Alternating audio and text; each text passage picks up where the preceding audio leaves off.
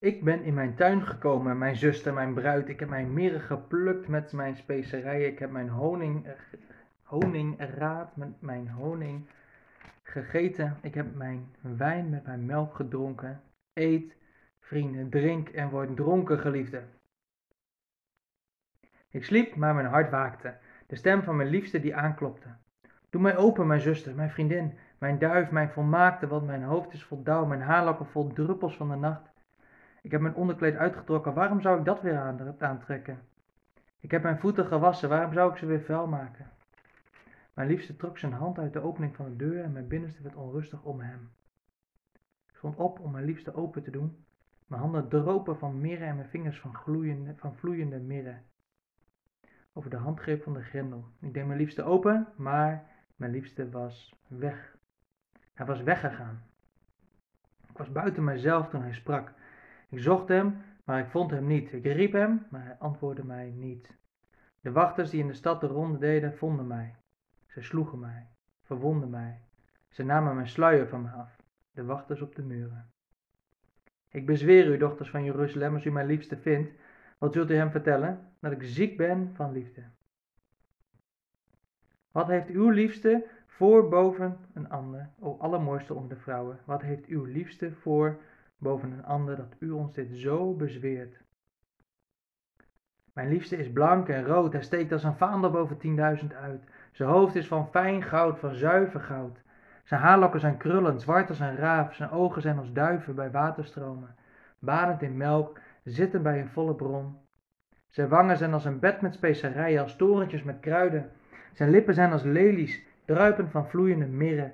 Zijn handen zijn als gouden ringen, ingezet met turquoise. Zijn buik is als blinkend ivoor, bedekt met saffieren. Zijn benen zijn als wit marmeren pilaren gegrondvest op voetstukken van zuiver goud. Zijn gedaante is als de Libanon, uitgelezen als de ceders. Zijn gehemeld is een en al zoetheid. Alles aan hem is geheel en al begeerlijk. Zo is mijn liefste, ja, zo is mijn vriend, dochters van Jeruzalem. We lazen Hooglied 5. En uh, we zitten in een wekelijkse serie over Hooglied deze hele zomer. En mijn eerste vraag aan mijn medelezer Maat is altijd: Maarten, wat viel jij wel op? Ja, uh, nou, een paar vertalingnetjes eigenlijk. Uh, dat er dingen anders stonden. Ik dacht, ja. Wordt dronken van de liefde staat hier. Ja. dat stond er voor mij niet wat jij voorlas. er stond het woord dronken, wordt geliefde. Ja. Dus alsof hij het uitspreekt tegen de mensen. Uh, en ik dacht nog, vers 10, mijn lief glanst en schittert. Daar stond iets over huidskleur, blank. Ja, blank en rood. Dan dacht ik, oh ja, dat is wel misschien wat lastig nu om dit zo te vertalen. Maar volgens mij zit dat in wat we in hoofdstuk 1 hmm. in de eerste keer over gehad hebben, ja. over de cultuur. Dus als je daar meer over wil weten, dan luister ja. dat even terug. Dat viel me op. het valt me op dat de hij-persoon over zichzelf praat. Uh, er gaan uh, drie zinnen gaat, over hemzelf. ja. Terwijl het begin eigenlijk altijd alleen maar over, over haar ging. Ja, ja, ja. En zij beschrijft hem juist niet meer vanuit, vanuit, vanuit haarzelf. Maar zij beschrijft hem hoe, hoe mooi hij is. Ja. Dus er zit wel, het is een hele andere manier van, van communiceren. communiceren. Ja. Mooi hè? Ja, nou ja, de, ik ben er nog niet helemaal achter wat betekent, maar uh, dat ga, ga, jij vast vertellen. Ja. ja, ik ben ook nog wat zoekende hierin hoor. Ik dacht wel van, hé, hey, dit is ook typisch hè. Als een uh, man een jongen een meisje leuk vindt, dan uh, versiert hij haar. En als hij dan heeft wat hij wil, dan, ja, dan gaat het ook een beetje anders of zo. Dan, weet niet, dan verandert er iets. Interessante zoektocht, maar niet voor nu of niet voor hier. Want wat we lezen, die eerste vijf versen, is intimiteit, seks. Uh, als je dit fysiek zou lezen, als dus een man en een vrouw. Maar hier gaat het, uh, als het hier hebt over Jezus en uh, mij, dan gaat het hier over ja, intimiteit op een, op een niveau waar je gewoon sterk naar verlangt. En misschien herken je dat wel in je eigen leven, dat je uh, bij uh, een kerkdienst bent geweest, of dat je in de stilte met God was in de natuur, of met je Bijbeltje open, uh, of tijdens een aanbiddingsconcert was, en dat je daar zo sterk je geliefd voelde door Jezus. Dat is wat hier wordt beschreven.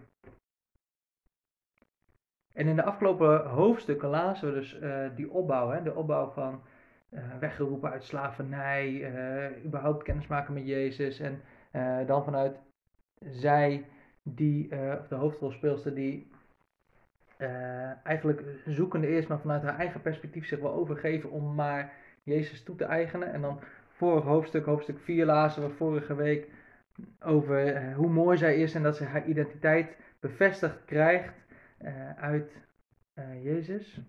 En nu heeft ze dat volledig ingenomen. En wil ze zich volledig geven. En dan volgt daar een woestijnperiode. Ja, bijzonder hè? Ja, dat is wel bijzonder. Ja. Heb jij wel eens een woestijnperiode in je leven gehad, Maat? Nou, uh, ik heb wel bij mensen gezien bij wie dat heel heftig was. Ik heb uiteraard, zoals de meeste mensen, wel eens een periode gehad waarvan ik dacht, uh, nou ja, het voelt alleen en uh, ja in contact met God is lastig, ja. maar niet een hele lange periode. Het, het, gaat over een paar, uh, paar, dagen of een paar weken hooguit. Maar ik heb wel uh, van uh, mensen gehoord en meegemaakt, ook wel van dichtbij, dat het wel echt een langere periode kan zijn. Waarin ja, mensen dat ook zelf wel beschrijven als een woestijnperiode, die dat gewoon droog is en waarin het niet lijkt te lukken in contact met God. Ja, ik moest ook denken aan het een oud liedje waarin, ik weet niet eens wie dat is, volgens mij Rob de Nijs zingt van een man weet pas wat hij mist als ze er niet is. En dat lijkt hier van toepassing. dus, uh, zij leert hoe afhankelijk, aanhankelijk ze eigenlijk is van Jezus. En ze beseft pas op het moment dat hij weg is, hoe belangrijk hij is geworden in haar leven. En hoe desperate ze is om haar weer... Uh... Ik sliep, maar mijn hart was was wakker. Ja. Dus er zit iets van uh, sluimeren in. Ja. Dan, dat je het niet beseft, terwijl je het wel ervaart of zo. Ja. Ja, het is er wel, maar zit, zit een soort van mist tussen. Ja. Ja wat, er, ja? ja? wat er dan vervolgens gebeurt inderdaad, is uh, hij klopt aan. Ja, dus uh, mm -hmm, hij is er nog steeds, maar ze doet open en ze ziet hem niet. Nee. Hij is, ja. Dus, uh, en dan komt ze erachter van, maar ik heb hem nodig. Ik wil hem toch, hou van hem. Ja. en dan gaat ze naar hem op zoek. Ja, en opnieuw is dit een cruciaal stukje in, in het volwassen worden in geloof. En waar we het afgelopen keren ook al hadden over cruciale elementen. De eerste keer God überhaupt willen aannemen. Hè, vrij willen komen uit slavernij. en vorige week bijvoorbeeld ook uit, uit de Hermon, zeg maar, je rebellie af willen werpen nu komt er opnieuw weer een cruciaal stukje in het volwassen worden in geloof. Hoe zit het met jouw hunkering naar meer van de Heilige Geest, meer van Jezus, meer intimiteit met Hem? Ook als het even wat minder lijkt te komen van Hem. Uh, hoe zit het dan met jou? Dat vind ik mooi aan het stuk. Uh, ook, haar, ook haar desperate verlangen. En jij, uh, jij stelde in de voorbereiding een interessante vraag over vers 7. Ja, dat gaat vast over die wachters. Klopt. Ja, want de wachters hebben we eerder gezien. Ja. ja dus toen stuurde de wachters haar naar, naar hem toe. Ja. Maar nu niet. Nee, nee. En de vraag is dus, hè, waar, waar staat dan die wachtersymbool voor? Ja. Ja, klopt. En bij wachters moet ik altijd denken aan Ezekiel 33. waarin er een strenger oordeel wordt uitgesproken over de wachters. En uh, het lijkt daar in Ezekiel, maar ook hier te gaan over kerkleiders. Dus mensen die zijn aangesteld om uh, over de bemuurde stad te waken. Uh, de stad Jeruzalem zie ik hier als symbool voor de kerk. En de wachters dus over de leiders van de kerk. Hè. Zij kijken uit, ze kijken uit naar de toekomst. Ze zijn de visiebepalers, maar ze zijn ook de beschermers, de herders van de, van de mensen die in de stad wonen. En ik dacht, dit is zo herkenbaar. Dit is zo herkenbaar uh, dat op momenten dat je kwetsbaar bent, dat er juist van binnenuit vanuit de kerk, juist van de mensen van wie je bescherming zou verwachten, dat zij jou kwetsen, verwonden, pijn doen. Uh, ja, en zeggen uh, van hé, hey, dit, is, dit, is hoe het, dit is hoe het leven met Jezus er nu eenmaal uitziet. Weet, je moet die, die intimiteit, die is niet echt, dat is, uh, dat beeld je in, uh, dat soort dingen. En eh, dat merk ik ook wel, merkte ik ook wel in mijn eigen leven. Ik heb woestijnperiodes gekend. Waarin uh, ja, leiders uit de gemeente ook wel zeiden van... hey, dit met de Heilige Geest, dat is van vroeger, dat is niet meer van nu. de woorden van profetie waar je naar verlangt, dat was alleen voor die periode uit handelingen. Ehm, het zijn innerlijke verwondingen, innerlijke pijnlijkheden die mij worden aangedaan, waarmee, waarmee ze mij proberen te belemmeren om intimiteit met Jezus in te nemen. Hm. En daar lijkt dit voor mij in elk geval heel erg op. Ja, het is ook wel interessant omdat een van de manieren hoe je dit kan, uh, kan lezen, waar we het in de introductie over gehad hebben, is tussen Jezus en de, en de kerk. Dus dat zou betekenen dat de kerkleiders hier zo, dan gaat het niet meer over één persoon, maar dat het gaat over de kerk die zoekt naar Jezus, maar die door de kerkleiders ergens van afgehouden. Uh, ja. Nou ja, niet alleen van afgehouden, dus, ze krijgt uh, klappen. Ja, verwondingen. Verwondingen, ja. ja. dat hoor je zo vaak, dat mensen zoekend zijn naar Jezus, maar verwond raken in de kerk en dus besluiten de kerk vaarwel te zeggen. En uh, dat lijkt hier te gebeuren. Ik had van de week nog een gesprek met iemand die, ja, die zei dat ze al een aantal jaren niet meer in de kerk kwam. Ja, vanwege de verwondingen, de pijn en de teleurstellingen. Ah, dat kan zomaar een reactie zijn op uh, wat tijdens je zoektocht kan gebeuren. Zeker als je in een woestijnperiode zit. Misschien is het goed om met die persoon uh, dit hoofdstuk te gaan lezen. Deze podcast even door te sturen. Er komt een klein lachje op jouw gezicht. ja, daar gaat ja. hier nog wat gebeuren. Uh, ik hoop het. Het zou mooi zijn voor die persoon als die ja, een plek ook in de gemeente kan innemen. Ik vind dat belangrijk en ik vind het waardevol. Maar ik merk ook wel, in mijn eigen leven ook wel, dat eigenlijk de grootste teleurstelling, de grootste pijn eigenlijk altijd vanuit uh, de kerk komt. En uh, niet zozeer vanuit uh, de wereld. Hè, van de wereld verwacht je het ook een beetje, maar vanuit de kerk is dat...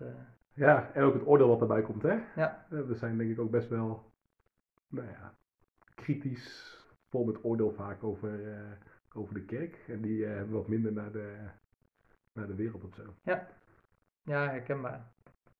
Hoge verwachtingen. Misschien zit het hem daarin. Hoog verlangen. Tenminste bij mij in eerste instantie. Hoog verlangen. Gewoon zo verlangen dat uh, de kerk iets moois is. Ja. als dit uh, het, het, samenspel is tussen uh, Jezus en de kerk. Ja, ja. Hoe gaaf is de kerk dan, weet je wel? En hoe va vaak is in de praktijk de kerk helemaal niet zo gaaf. En valt het tegen ja. door kerkleiders. Maar ook door het systeem en door van alles en nog wat. Ja, maar hoe meer we ook zelf in de leiderschapspositie komen, merken we ook hoe lastig het is om dit goed te doen.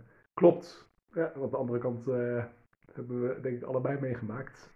Zeker weten. Ja. Maar mensen ook uh, tegen ons zeggen van nee, uh, dit is niet -hmm. wat ik verlang of ja. hoe ik graag zou willen dat het eruit ziet. Ja. Dus als je zo iemand bent, excuses, kijk niet naar ons, kijk niet naar de wachters, kijk naar Jezus. Hey, en dan wordt de vraag gesteld in vers 9: wat is jouw getuigenis? Wie is Jezus voor jou? Nou, er volgt een flinke eh, getuigenis, hè?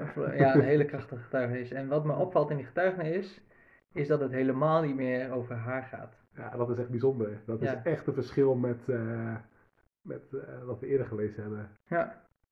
Ja, pas op het aller, allerlaatste zien wij, zo is mijn liefste, zo is mijn vriend. Ja, dat zegt wat over de identiteit. Ja. Niet zozeer, ja, ook wel over de zelf, maar... Uh... Ja. Ja, schitterend toch? Ja. Jezus in haar leven en dan uh, opnieuw uh, vergelijk ze, en vergelijking op vergelijking op vergelijking met delen van zijn schepping. Mooi. Niks meer aan toe te voegen. Niks meer aan toe te voegen. En we blijven hier binnen de tijd. Ja, ook, ook niet gek. Nee, hè? Volgende week hoofdstuk 6 en uh, we hopen dat jullie met ons mee gaan genieten over de zoektocht van volwassen worden in geloof, intimiteit met Jezus, hoe dat mag plaatsvinden en ook de reflectie met ons eigen leven. Tot volgende week. Bedankt voor het luisteren naar de Next Move Sport Community Podcast. Wil je meer weten over Next Move of over onze sportcommunities? Kijk op onze website door te klikken op het linkje in de beschrijving. Ben je enthousiast over deze podcast? Deel hem dan direct.